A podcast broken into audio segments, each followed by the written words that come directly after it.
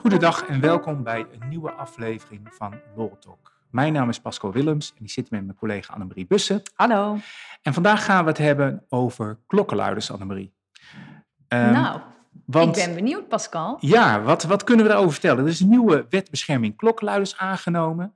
Uh, vrij snel achter elkaar door de Tweede Kamer en daarna door de Eerste Kamer. En uh, uh, dat heeft betrekking op de implementatie van een Europese richtlijn waarin Nederland al rijkelijk laat was met die te implementeren. Hè, want die moest al, geloof ik... volgens mij 17 december 2021 uiteindelijk. En volgens mij is nu door de, uh, door de Tweede Kamer, is die volgens mij ergens nog in december inderdaad uh, erdoor gekomen. Wel nog ook amendementen die er nog lagen en waar de minister weer een brief over heeft geschreven. Even voor de kerst lijkt het er, nou ja, doorheen gejast is misschien onaardig gezegd, nou. maar... Uh, en na de kerst heeft meteen de Eerste Kamer er een klap op gegeven. Um, maar we, we, hebben ook wel begrepen dat er misschien nog wat wetswijzigingen aan zitten komen om de boel toch nog even wat te repareren. Maar dat we het in ieder geval nu voor elkaar hebben voor Europa. Dat we op dit vlak qua wettechnisch gebied uh, iets hebben liggen. We hadden natuurlijk al wel een, een wet die klokkenluiders beschermde. Um, maar nog ja, even wet terug. Huis. Uh, het wet huisklokkenluiders. Ja. Nog even terug naar klokkenluiders. Ik heb daar ooit in een ver verleden een heel artikel over geschreven. Toen kenden we het Huis van de Klokkenluiders nog niet, maar dat was in de periode van uh, de kernreactor uh, Petten. En meneer Schaap, die de Telegraaf opzocht vanwege de misstanden die daar plaatsvonden. Daarna hebben we nog de, de klokkenluiders gehad van Defensie en nog een heel aantal andere. En wat eigenlijk de, de achterliggende gedachte is bij klokkenluiders, is dat je als medewerker. We komen straks bij de definitie wat dan een medewerker is en waar de, de, wet, de huidige wet betrekking op heeft hoor. Maar in die situatie een medewerker een misstand uh, ziet binnen een organisatie met een maatschappelijk karakter.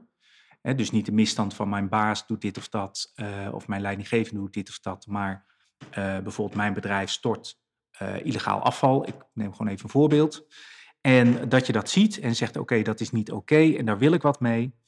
En dat je uh, als uh, medewerker beschermd wordt tegen die melding. Hè, dat je de, de nadelige gevolgen daarvan, dat een bedrijf jou niet op basis daarvan kan ontslaan wat een menig klokkenluider wel eens gebeurt. Tegelijkertijd zit er natuurlijk ook achter dat klokkenluiders niet meteen naar de Telegraaf rollen met dit bericht uh, of een andere dagblad. Uh, maar eerst een melding doen, het liefste intern bij ja, degene die er iets aan die misstand kan doen. We gaan straks over hebben dat de huidige, de nieuwe wet moet ik eigenlijk zeggen, rekt dat alweer een beetje op. Maar de bedoeling is dus om die, ja, je zou kunnen zeggen, die, die melding van een, een maatschappelijke misstand, om dat in goede banen te leiden, waarbij er zo rekening wordt gehouden met het belang van de werkgever en de werknemer. Ja, dus het is eigenlijk het tweeledig. Het, het, het dient een tweeledig doel. Die bescherming van degene die een misstand meldt, dus de, de klokkenluider, maar ook wat jij terecht aangeeft, hè, dat er dus een procedure voor is, dat dat goed wordt opgepakt en dat er niet um, hè, direct uh, de media wordt opgezocht. Het is inderdaad wat jij zei. Ja. Ik, heb, ik zat ondertussen heel snel te googlen hoor, maar jij zei uh, Defensie, inderdaad Fred Spijkers. Ik, oh, ja. ik, moest gewoon even de naam ook nog erbij opzoeken. Dat klopt. En, dat, en die heeft dus gewoon ook een eigen Wikipedia-pagina, zie ik hier. Nou, dan, dan heb je het Fred gemaakt Spijkers in het leven. is een Nederlands maatschappelijk werker en klokkenluider. Ja.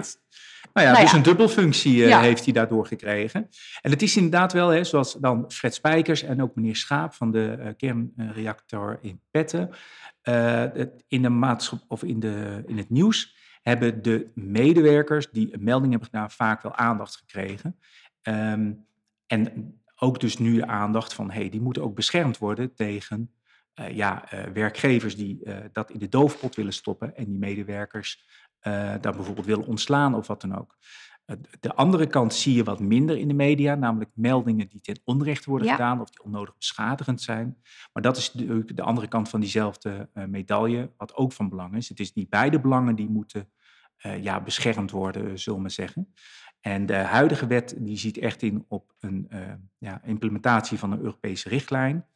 En uh, wij hadden natuurlijk het Huis van de Klokkenluiders. Maar de nieuwe wet geeft een aantal uh, veranderingen. Uh, we gaan niet het hu- wethuis voor de klokkenluiders helemaal doornemen. Maar we gaan wel even stilstaan bij wat houdt de nieuwe wet nou specifiek in. Hè? Wat zijn de, de wijzigingen die dat met zich meebrengt. En wat halen wij er al uit als aandachtspunten voor de praktijk. Want er zitten toch wel een paar dingetjes waar met name werkgevers eventjes rekening mee moeten houden. En de eerste, denk ik, toch wel in het oog springende wijziging is dat um, de wet niet alleen maar betrekking heeft op werknemers hè, of ambtenaren, of uitzendkrachten. De oude wet sloeg op uitzendkrachten die langer dan twee jaar in dienst waren. Maar in de nieuwe situatie tellen ook voor het aantal mensen dat er uh, bij de organisatie werkt. Voor wanneer je dus een klokkenluidersregeling moet hebben, daar gaan we zo even in. Ook vrijwilligers en stagiaires mee, mits zij een vergoeding hebben voor hun werkzaamheden. Uh, maar daarnaast ook nog bijvoorbeeld sollicitanten. Ja. En daar sloegen wij al toch een beetje op aan. Um, want ja, um, nou ja, ik, ik, ik, ik ga dan altijd even nadenken van, joh, wat voor situatie kan er dan ontstaan? Ik solliciteer bij een bepaalde organisatie. Hè. Tegenwoordig kan een traject best wel een aantal gesprekken met zich meebrengen. En als ik dan dus um, een melding doe van een misstand, want ik vind dat er iets niet goed gaat, of ik heb iets opgemerkt, of ik heb misschien een bepaalde mening erover. En ik krijg daarna te horen van, nou, helaas, uh, maar uh, ons oog is niet op u gevallen. We hebben een andere kandidaat die we graag de baan aanbieden. Ja, dan zou ik dus kunnen zeggen, hé, hey, maar er is een benadelingsverbod. Ik heb een melding gemaakt. En uh, beste, nou ja, niet werkgever, maar beste organisatie, toon maar aan dat het hier geen verband mee houdt. Dat het, ik ben het niet geworden. Ehm, toon maar aan dat dat ehm, geen verband houdt met het feit dat ik die uh, klokkenluidersmelding heb gedaan. Precies, want hij staat dus inderdaad ook open. Hè? De beroep doen op die klokkenluidersmeldingsregeling staat dus ook open op niet-werknemers zoals een sollicitant. Die kan daar een beroep op doen. En wat de nieuwe wet met zich meebrengt, is dat de bewijslast, dat die benadeling, in dit geval die sollicitant, geen verband houdt met een melding die gedaan is, berust bij de werkgever. Ja. Dus dat betekent ook dat je heel goed moet registreren uh, wie een melding doet. En dat is al meteen een hele interessante. Uh, stel, uh, we nemen gewoon een praktisch voorbeeld. Um, ik zie een misstand, ik ben niet betrokken bij een organisatie, maar ik zie een misstand daarvan. ik doe daar een melding van. Ja. Um, dan val ik, ik ben nog helemaal niks, val ik nog niet onder de klokkenluidersregeling, want ik ben gewoon een buitenstaander die een organisatie op wijst, hier sprake van een misstand. Um, uh, dan gaat het niet om een interne meldingsprocedure, maar zou je kunnen zeggen een externe meldingsprocedure, mm -hmm. maar die moet wel in behandeling worden genomen. Vervolgens denk ik, dat is een mooie organisatie, daar ga ik bij werken. En dan mijn, mijn doel is dus om te zorgen... die misstand belemmert jou dan niet om te gaan solliciteren? Zeker niet. Het is juist een, een motivatie om te zorgen dat uh, ik, die mis, ik ga meehelpen om die misstand te bestrijden, intern en uit. Uh, en dan word ik afgewezen. En dan zeg ik, ja, maar ik heb een melding gedaan. En ik, ik vermoed echt wel dat ik af ben geweest omdat ik die melding heb gedaan. Dus ik ben gewoon een, uh, iemand die jullie niet graag willen houden uh, of hebben. De interne meldingsregeling en de nieuwe wet zegt dan: oké, als sollicitant val ik ja, daaronder. val je eronder. En ja. ja. moet ik beschermd worden tegen dat soort uh, zeg maar tegenwerking? Ja, benadeling, het, het benadelingsverbod. Um, maar de vraag is natuurlijk wel: um, ja, hoe kan ik als werkgever, als de bewijslast bij mij ligt, hoe kan ik als werkgever aantonen dat dat het niet is? Ja. Want ergens is een externe melding geweest, die dan wel geregistreerd is. Hoop je? Hoop je. Uh, dat is voor een ander doel geregistreerd dan dit doel. En hoe, ver, uh, hoe zich dat bijvoorbeeld verhoudt tot de, de verwerking van de persoonsgegevens, even los van de vraag of dat mag en of je dat een wettelijke grondslag op hebt, voor hebt. Maar ook organisatorisch is dat natuurlijk een best een lastige. Ja, en eigenlijk verkleurt natuurlijk ook hè, de externe melding. Verkleurt dan door jouw sollicitatie dan in een interne melding? Waarop dan de interne procedure moet worden gevolgd. Ik kan me ook voorstellen dat een grotere organisatie voor het derden, dat ze daar ook een soort protocol of regeling voor hebben. Hoe ga je ermee om als hè, mensen iets melden? Precies. Maar daar kan dan dus op enig moment door, niet door de organisatie zelf, door de werkgever, die heeft daar geen invloed op, maar door jou Omdat jij zegt, hé, hey, ik, word, ik ga hier solliciteren. Of, want dat is ook nog wel aardig, hè? het zijn zelfstandigen. Maar ook aannemers, aandeelhouders, bestuurders en leveranciers. Dus dat is echt best wel opgerekt. Um, ja, daar geldt dus dat benadelingsverbod voor. Dus ja, ik, um, ik zie best nog wel wat, nou ja, wat problemen hoe je dat dan als organisatie moet benaderen. Ja, kijk, ik snap de gedachte wel van het feit dat je wil uh, hebben dat er sprake is van een veilig intern werkklimaat. Ja. En iedereen die met een organisatie werkt, moet daaronder vallen. Maar het, het is lastig, hè, want nu pakte ik iemand die nog geen verband houdt met de organisatie, maar als eerst als aannemer of als opdrachtgever daar werk. En vervolgens ga ik intern solliciteren. In beide gevallen valt het onder de interne procedure. Ehm, de, de, het, het, wordt natuurlijk best een heikel karwei om bij elke sollicitant die je afwijst eerst nog even te checken of iemand dan een melding heeft gedaan. Ik denk dat het best lastig is uh, om dat uh, voor elkaar te krijgen. Maar mag dat dan ook wel? Want je zit juist weer met die vertrouwelijkheid. Ik moet zeggen, dat, dat heb ik niet uitgezocht.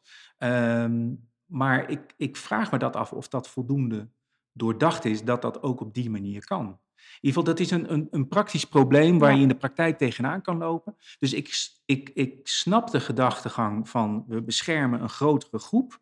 Iedereen die ermee te maken heeft, dus ook zelfs bijvoorbeeld een sollicitant. Ehm, maar een sollicitant is, totdat een werknemer wordt, natuurlijk een voorbijganger. Dat kan iemand zijn die blijft plakken of dat hij vertrekt. Uh, en dat maakt het natuurlijk best wel, uh, wel lastig. Um, een ander uh, punt ehm, waar, we, waar we het over hebben gehad is van ja, wanneer moet je nou een interne meldingsprocedure hebben? En, en de nieuwe wet legt die grens eigenlijk bij 50, minstens 50 personen. Eh, die daar werkzaam zijn. Hè. Dat is de grens ook voor de ondernemingsraad. En er vallen werknemers en ambtenaren bij, maar ook uitzendkrachten die tenminste twee jaar in dienst zijn.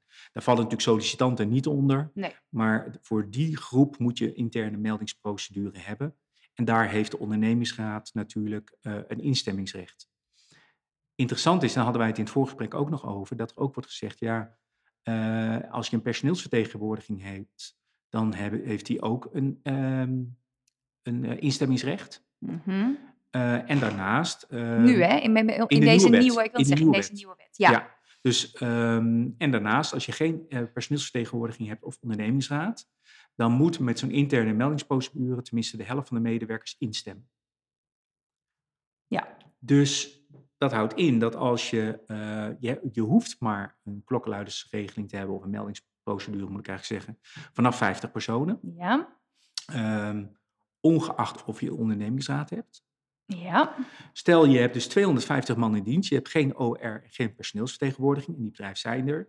Je bent dan op zich wel in strijd met hè, de wet op de ondernemingsraden, maar het gebeurt ontzettend veel. Ja, en zolang of niemand... soms is er ook geen behoefte aan een ondernemingsraad. Precies, hè, zolang niemand daar uh, over valt, is het uh, prima. Ja. Uh, maar je moet wel een interne meldingsprocedure hebben. En dat zou dus betekenen dat je dan uh, eh, 250 mensen moet ondervragen van zijn jullie het met deze regeling eens? Daar lijkt natuurlijk ook wel een soort incentive in te zitten van ja. richt dan maar een ondernemingsraad op. Want ehm, om 250 man eigenlijk ja, een soort stemming te gaan houden, dan kom je al bijna uit op een kiezen van een ondernemingsraad, wat natuurlijk ook vaak op die manier verloopt. Um, maar ik vond dat best ver gaan, de, de, de procedure met het instellen van een ondernemingsraad of wanneer je personeelsvertegenwoordiging ja. hebt. Uh, ik snap ook wel hier het belang weer. Ze willen dus de rijkwijde ook laten vallen over bedrijven die dus geen OR hebben, personeelsvertegenwoordiging hebben, maar het wel zouden moeten hebben. Um, maar het lokt in ieder geval ook uit dat als je onder de 50 medewerkers zit en je hebt geen OR of personeelsvertegenwoordiging, dat, je, dat je dan ook minder snel geneigd bent om zo'n regeling in te voeren omdat je in ieder geval ook de helft van het personeel mee moet krijgen. Ja, en ik zit nu Wat daar mis aan is, is over, dat, dat zeg ik niet, is best prima natuurlijk om daar mee te nemen. Alleen organisatorisch is het natuurlijk een grotere uitdaging dan wanneer je als goed werkgever denkt, oké, okay, wij vinden het belangrijk dat misstanden gemeld worden en we maken gewoon een interne regeling. Ja, ja en ik ik zit want um, een sanctie op het hè, niet hebben van een ondernemingsraad is er in principe niet. In ieder geval niet in de wet op de ondernemingsraden. Hij kan afgedwongen worden. Er mogen dan altijd belanghebbenden, mogen altijd werknemers mogen. Wij spreken één werknemer binnen een bedrijf van 300 man kan zeggen, ja, maar ik wil wel dat die ondernemingsraad er komt. Ook loop je er tegenaan als je geen ondernemingsraad hebt, terwijl je hem wel zou moeten hebben. Bijvoorbeeld bij reorganisaties, als jij een collectieve reorganisatie door wil voeren. Maar er, er is niet een, een, hè, echt een, een keiharde sanctie. Um, is dat wel zo bij als je deze interne um, meldregeling uh, niet hebt of niet voldoende? Volgens mij niet. Dus, dus hè, aan de ene kant uh, heb ik het idee, wat jij ook al aangaf, dat er nu um, een wetgeving doorheen is gejast, enkel en alleen omdat we de EU in onze nek hadden hijgen, om het even zo te zeggen, omdat we de termijn in onze nek hadden hijgen in Nederland. Maar het feit dat er ehm, ehm, in december ook alweer een brief is gekomen van de minister die zegt van nou, we gaan het in 2023, oftewel dit jaar gaan we het evalueren. En we gaan nog een spel voor een speciaal fonds gaan we nog nadenken. Ehm, ja, dan nou, lijkt het wel alsof er een heleboel dingen zijn waar nog niet echt um, nou ja, verfijnd over is nagedacht. Bij mijn weten is in ieder geval niet dat er een soort uh, toezichthoudende nee. instantie Nee, je hebt geen arbeidsinspectie of een inspectie SZW zoals dat nu heet. Nee, het is wel zo dat als je uh, niet zo'n regeling hebt, dan kan het ook niet tegengeworpen worden als werkgever. Ik denk dat sowieso het goed werkgeverschap vereist dat je dit soort wetgeving volgt. Doe je dat niet, dan handel je in strijd met goed werkgeverschap. Dus via die banden kan je dat denk ik wel uh, construeren. Maar ik ben het wel met je eens dat dat, um, daar, daar, zitten wel wat open eindjes in. En een aantal bepalingen uh, zeggen wel dat als je bijvoorbeeld, dat is een ander nieuw dingetje in de nieuwe wet, dat als jij een geheimhoudingsplicht oplegt aan een klokluider, hè, dat hij niet met anderen erover mm -hmm. mag praten, dan zo'n beding is nietig. Hè, dus dat betekent dat mocht je als werkgever tegen een klokkenluider zeggen, hey, wij hebben de afspraak dat jij je mond verder zou dicht houden tegen de buitenwereld. Dat heb je niet gedaan, dus deze en deze gevolgen heeft dat. Dan is die afspraak is nietig. Dan kan nog steeds het handelen van de medewerker in strijd met goed werknemerschap natuurlijk Juist, zijn. Ja. Want als je bijvoorbeeld een interne melding hebt gedaan en er loopt een onderzoek en je holt op dat moment al naar de, eh, de krant, dan kan dat in strijd met goed werknemerschap zijn. Want de vraag is, wat voegt het dan nog eens een keer toe hè, om een melding bij een krant te doen, terwijl dat er bijvoorbeeld al een onderzoek loopt? Uh, voorheen was het wel duidelijk zo dat um, uh, een, een, goede klokkenluider, een goed handelende klokkenluider, moest altijd eerst een interne melding. Ik wil het zeggen, eerst interne melding, om, hè, zodat het dus intern kon worden opgepakt. En als dat dan niets opleverde, niet naar werd geluisterd, hè, dan nou ja, kon je vervolgstappen inderdaad uh, ja. zetten. En wat er nu is toegevoegd, is dat je bij een aantal autoriteiten mag je ook Al meteen direct, externe melding doen. Hè? Uh, autoriteit Consument en Veiligheid, geloof ik, autoriteit persoonsgegevens, het Huis voor de Klokkenluiders. Een aantal van dat soort instanties. De deur naar, uh, nogmaals, de krant wordt daarmee niet opengezet. Maar het zijn wel instanties die op min of meer wel een toezichthoudende taak hebben. En daar zou je wel ook kunnen zien, dat is wel een band naar, hey, uh, wij, wij zouden eigenlijk een klokkenluidersregeling meldingsplicht moeten hebben. Dat hebben wij niet. Maar ik doe wel een melding bij zo'n instantie. Dan kan zo'n instantie natuurlijk de werkgever er weer op aanspreken. Hey, wij houden op een deel toezicht. Het deelgebied waar de toezichthouder ook uh, bevoegdheid in heeft. Waar de melding dan ook betrekking op heeft. En um, nou ja, hier moet u uh, wat aan doen. Um, maar zo zitten er wat meer dingen in die wet dat ik denk van, hmm, gaat dat in de praktijk, ik, nogmaals, ik snap de redenering erachter, maar gaat dat in de praktijk ook wel goed uitpakken? Laatste dingetje wat ik er even uit wilde halen, het gaat een beetje te ver om de hele wet nu te bespreken. En we hebben daar ook een, een uh, stukje van staan op onze website uh, hierover. Um, maar het laatste wat ik uit wilde pikken is dat uh, er ook wordt gezegd, als een klokkenluider een melding doet, dan moet diens identiteit door de werkgever beschermd worden. Mm -hmm. um, en die moet er ook op toezien dat zijn werknemers die die naam geheim houden. Nou kan je je voorstellen dat dat inderdaad de personen binnen de werkgeversorganisatie die die melding behandelen, dat die geheimhouding wordt opgelegd. Ja, bijvoorbeeld dus, hè, dat je een speciaal secretariaat of iemand hè, die dan daarvoor is aangewezen, dat die in een addendum of iets dergelijks, hè, zeg, vanuit hoofden van jouw functie, kun jij op, hè, op de hoogte zijn van uh, informatie of een melding door een klokkenluider. En daar geldt een specifieke extra geheimhouding dan voor. Precies, dus voor de, de, als je een, een klokkenluidersregeling gaat eh, starten of maken en je gaat er personen benoemen die zich daarmee bezighouden, dan zou je die een extra geheimhoudingsplicht moeten opleggen boven de algemene geheimhoudingsplicht die waarschijnlijk in de arbeidsovereenkomst staat. Van hé, hey, let op, je, bent, eh, ja, je hebt een soort, ik zou bijna zeggen, een beroepsgeheim als het gaat om die uh, namen. Maar de formulering lijkt het ook mogelijk te maken dat, of verplichten dat de werkgever aan alle werknemers die op een of andere manier kennis nemen van de identiteit van een klokkenluider, dat ze die ook geheim houden. Bij mij weten staat er niet zo geformuleerd dat het alleen gaat om de personen die rechtstreeks betrokken zijn bij de melding, maar dat het gewoon ook collega's zijn. Dus, ja, dus iemand die misschien, een klokkenluider die misschien zelf wel uh, informatie deelt met. Of tegen zijn collega's zegt. collega's, ja. Uh, of uh, iemand vangt het op bij het koffieapparaat, ja. ik noem maar wat. En dat zou dan betekenen dat een werkgever aan al zijn werknemers heel specifiek geheimhouding moet opleggen op dat vlak. Zodat je dat ook in je geheimhoudingsbedingen zou uh, moeten opnemen. Ja, dat als jij hè, direct dan wel indirect op de hoogte bent van inhoud van de melding, dan wel de identiteit van de melder of iets dergelijks. Ja. En ik denk dat uh, je kan aan een geheimhoudingsbeding in een arbeidsovereenkomst gewoon een extra lid toevoegen met twee of drie regels. Dat hoeft helemaal niet zo super ingewikkeld te zijn. Waarin je dat wel uh, opneemt om maar te voorkomen dat je op dit vlak in de problemen komt. De vraag is hoe groot zijn die problemen dan? Want we hebben het net erover gehad dat ja, er niet echt heel veel sancties op staan.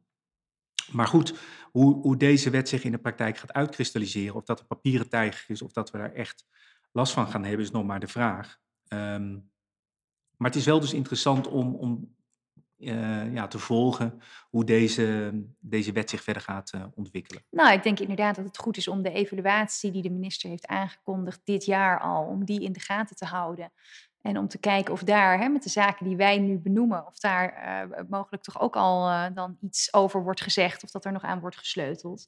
En wat natuurlijk nog wordt gedaan met de amendementen die nog niet direct nu in de wet zijn opgenomen. Want ik heb inderdaad even gekeken. Volgens mij was het de 20 december door de Tweede Kamer en door de Eerste Kamer gewoon als hamerstuk. Ja. Dus daar is überhaupt niet over, uh, over gediscussieerd of verder enige inhoudelijke opmerking aan, gewijd. Nee. Nou, het is natuurlijk een, een begrijpelijk iets dat klokkenluiders beschermd moeten worden. Ik denk dat er ook maatschappelijk draagvlak voor is. Alleen de, de wettelijke uitwerking daarvan voor de praktijk, dat is maar de vraag. En misschien heeft men ook gedacht van ja, zo heet wordt de soep niet gegeten. Toch denk ik wel, en daarmee wil ik afsluiten, dit past wel in de, ja, in de toename van regelgeving als het gaat om werknemers die met een, of het nou een misstand is of een, een vertrouwenssituatie eh, à la de voice kwesties. Of een nou, arbeidsconflict, eh, onvrede binnen de arbeidsorganisatie, in welke vorm dan ook en wat de oorzaak ook van is. Dat dat gereguleerd wordt en dat mensen die daardoor benadeeld worden, dat die beschermd worden.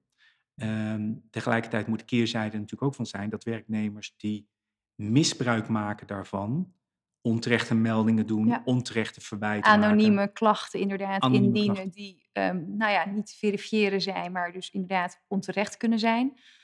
Ja, dat, dat daar dus ook opgetreden tegen wordt. Want dat is uh, nogmaals die twee kanten van diezelfde medaille. Uh, je kan eigenlijk niet het een beschermen zonder rekening houden met het andere. Want dan ontstaat er een, een onevenwichtigheid in het, uh, in het hele systeem.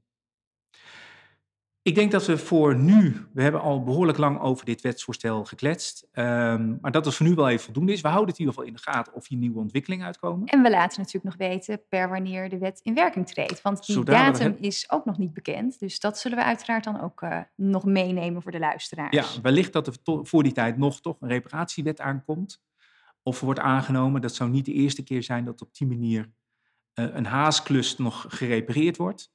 Eh, maar we houden het voor jullie in de gaten. In ieder geval bedankt voor het luisteren allemaal. En graag tot de volgende keer. Tot de volgende keer.